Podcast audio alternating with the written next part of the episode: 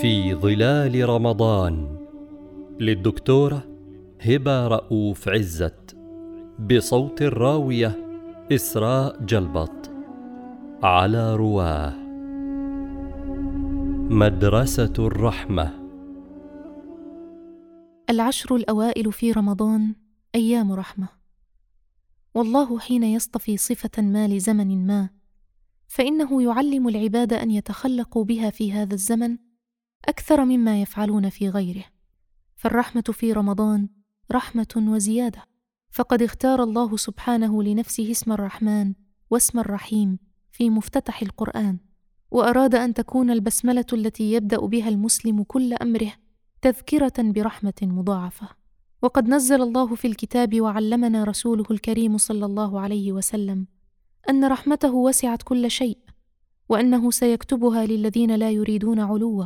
بل الراحمون الذين يترفقون بالخلائق كلها وليس بالبشر فحسب. فكان ثواب من رحم الحيوان الجنة وعقوبة من حبسه النار. هذه الرحمة هي درس وفيض العشر الأوائل من رمضان وهي ليست الرحمة كخلق فردي فحسب بل هي أدب للأمة أيضا. فرمضان ليس شهر عبادة من أجل نجاة الإنسان وحده يقيس فيه المؤمن فيها نصيبه من الجنة بالشبر والذراع ويعد الحسنات.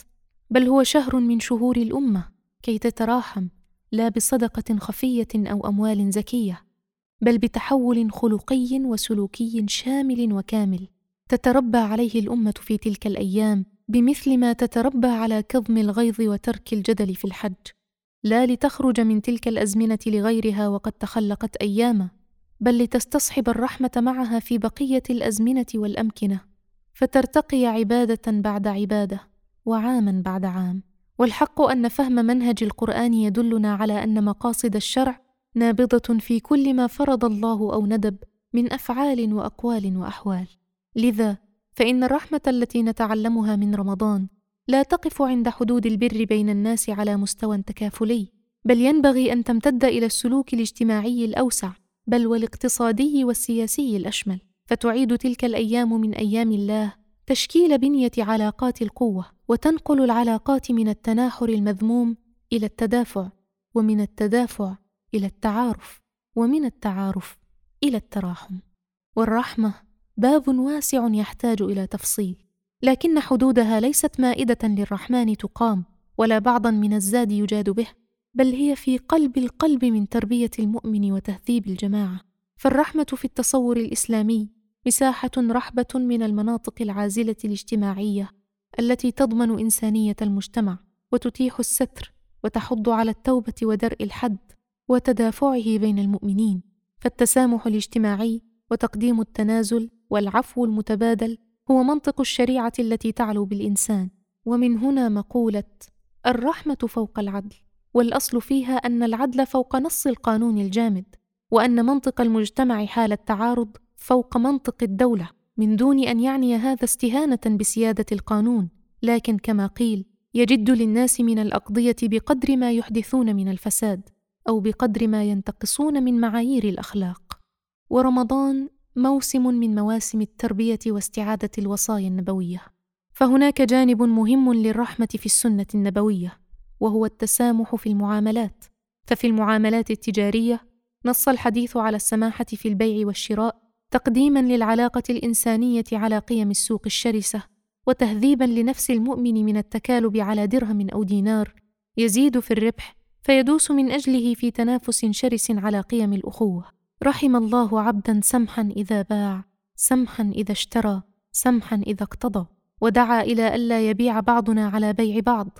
أو يخطب على خطبة أخيه كما أن هناك حظا واضحا على العفو عن الدين وعلى الصدقة الخفية وكلها تجليات رحمة القلوب. وفي رمضان تتجلى بشكل واضح وجلي كي نذكرها إذا كنا قد غفلنا. والرحمة ليست خلقا اسلاميا فحسب بل أداة للإدارة الاجتماعية ونهجا يدخل في السلوك اليومي للمسلم في بيته وفي متجره وفي الطريق وفي كل دائرة يدور فيها. قيمة نابعة منه هو لا تتوقف على مسلك من تقع عليه الرحمة. أحسن أم أساء؟ فقد رحم الرسول صلى الله عليه وسلم في مكة والطائف من آذوه ورحم في المدينة من كادوا له ورحم فعفى في الفتح وأطلق من حاربوه وفاضت رحمته فعذر بالجهل وتحمل غلظة صاحب الحق وقد كان أورع الخلق وأحرصهم على حدود الله. لكنه أراد أن تتعلم الأمة عدم التعالي بالطاعة أو الولع بالمطالبة بالحق غير منقوص حتى وإن كان ثمنه الاجتماعي فادحا بل تتراحم عفوا وتعفو رحمة لتسمو. بل وقد ترحم العاصي حين تورثه المعصية ذلا وانكسارا.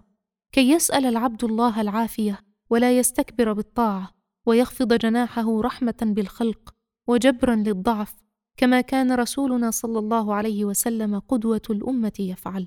بدءا من رحمته الفياضة بسؤال عن الجار الذي آذاه حين غاب إلى المستوى السياسي العام. لا ثأر ولا تنكيل. بل جبين عزيز ينحني شكرا لله. ونفس سمحة تقبل من الغير الرجوع والتوبة. وتترفع عن الحقد والحسد والغل. رحمة يعكسها حديث. شركم من لا يقيل عثرة ولا يقبل معذرة. ورمضان. واحة لتلك المعاني المبثوثة في كل أزمنة المسلم وأمكنته ودورانه معها حيثما كان ومع كائن من كان حتى الأسير من الأعداء. فما بالنا بالرحم من الأقرباء؟ اقرأوا سنة الرسول وكيف كان خلقه.